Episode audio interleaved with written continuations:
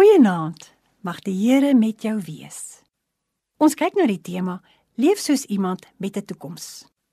Iemand skryf nou die dag: Ek voel soms asof ek kan gaan staan langs 'n verkeerslig met 'n bordjie.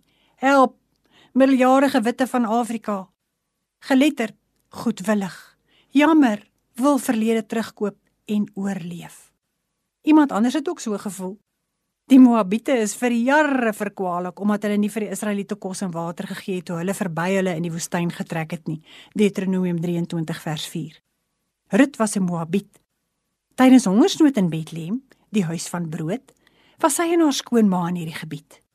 Vir haar was brood egter glad nie gegee nie. Sy was 'n outsider, 'n inkomer, deel van die historiese onderdrukkers.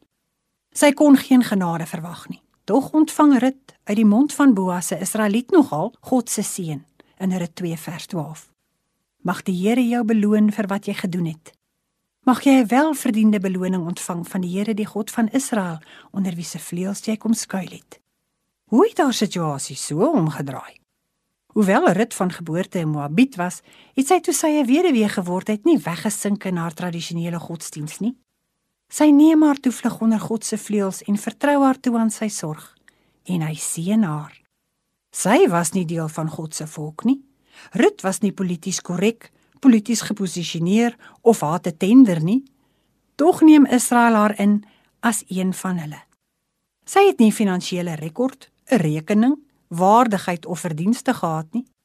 Tog word haar seun Obed die oupa van Dawid, die vooroupa van Here Jesus Christus.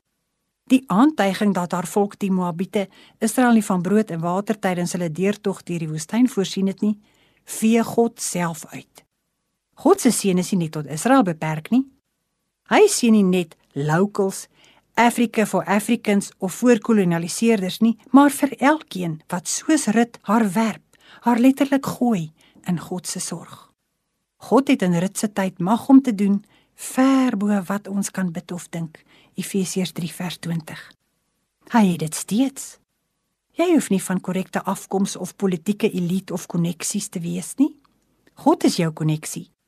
Jy hoef ook nie 'n regte kleur te hê nie, want jou naam is op 'n wit klippie in God se hand, Openbaring 2 vers 17 geskryf. Jy hoef nie in die verlede terug te koop nie, want jy het 'n toekoms. Leef so.